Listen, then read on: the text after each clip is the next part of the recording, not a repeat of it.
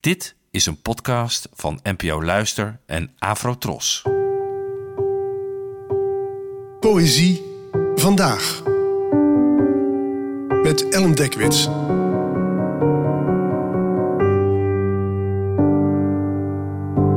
Hallo, fijn dat je luistert. Het gedicht van vandaag heet Vrouwen Lazarus en werd geschreven door de Amerikaanse dichteres Sylvia Plath, geboren in 1932 en gestorven in 1963, en het werd vertaald door mij. Vrouwen Lazarus. Ik heb het weer gedaan. Eens in de tien jaar lukt het me. Een soort wandelend mirakel, mijn vel. Helder als een lampenkap van de naties. Mijn rechtervoet een prespapier. Mijn gezicht een uitdrukkingsloos fijn Joods linnen. Pel het servetje af, o mijn vijand. Schrik ik je af? De neus, de oogholtes, het volledige gebit? De zure adem zal binnen een dag verdwijnen. Gauw, gauw zat het vlees dat het grotgraf at me weer bewonen en ik weer een lachende vrouw zijn. Ik ben pas dertig en net als de kat kan ik negen keer sterven. Dit is nummer drie. Wat een bende om ieder decennium te vernietigen. Al die miljoenen gloeidraden, de pindakauwende menigte schuift aan om te zien hoe ze me van top tot teen uitpakken. De grote striptease, heren dames, dit zijn mijn handen, mijn knieën. Ik ben misschien vlees en been, maar ik ben desalniettemin dezelfde identieke vrouw.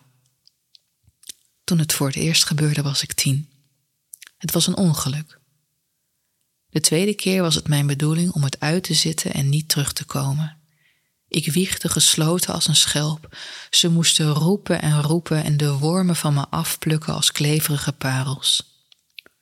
Sterven is een kunst, net als de rest. En ik doe het bijzonder goed. Ik doe het zodat het hels voelt. Ik doe het zodat het echt voelt. Je kan zeggen dat ik een roeping heb. Het is makkelijk genoeg om in een cel te doen. Het is makkelijk genoeg om het te doen en erin te blijven. Het is de theatrale terugkeer op klaarlichte dag, naar dezelfde plek, dezelfde kop, dezelfde brute vermaakte kreet. Een wonder dat me meteen knock-out slaat. Er is een prijs om mijn littekens te mogen zien. Er is een prijs om mijn hartslag te mogen beluisteren. Hij doet het echt. En er is een prijs, een zeer hoge prijs, voor een gesprek of een aanraking, of voor een beetje bloed, of voor mijn handen of mijn kleren. Dus, dus, herdokter, dus, hervijand. Ik ben jullie opus. Ik ben jullie kostbaarheid. De 24 karaats gouden baby die smelt tot een schreeuw, ik draai en brand. Denk niet dat ik je bezorgdheid onderschat. As, as. Je pookt op en roert. Vlees, bot, er is niets meer over. Een stuk zeep, een trouwring, een gouden vulling. Herre God, Her Lucifer, pas op, pas op. Uit de as herrijs ik met mijn rode haar en ik eet mannen als adem.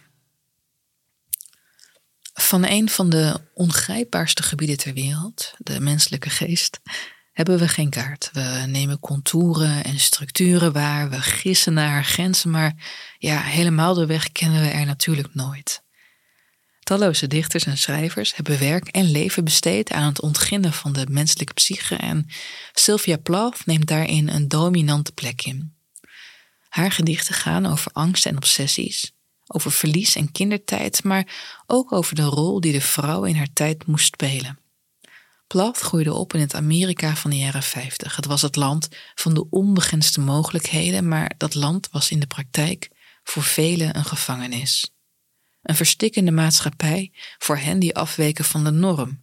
Vrouwen, zwarte mensen, communisten, homoseksuelen, armen, en als je kampte met depressie kon je het al helemaal schudden. Sylvia Plath's werk was baanbrekend. Het toonde de catastrofale gevolgen van onderdrukking, hoe dat je geest vervormt en uiteindelijk verlamt. Het is een pleidooi om de macht, al is het maar die over je verbeelding weer in eigen handen te mogen nemen. En zo bezinkt Plath in Lady Lazarus haar pogingen tot zelfdestructie. Het lijden onder een systeem dat voor haar even onderdrukkend was als het Derde Rijk. Kom maar op met jullie hokjes, lijkt de ik uit dit gedicht te zeggen. Kom maar op met jullie repressie. De enige die mij kapot kan maken ben ik zelf. En zo staat ze keer op keer op uit de as, alsof er geen dood bestaat, alsof niets ooit kan eindigen zonder haar instemming. Bedankt voor het luisteren en tot de volgende keer. Afro Tros, de omroep voor ons.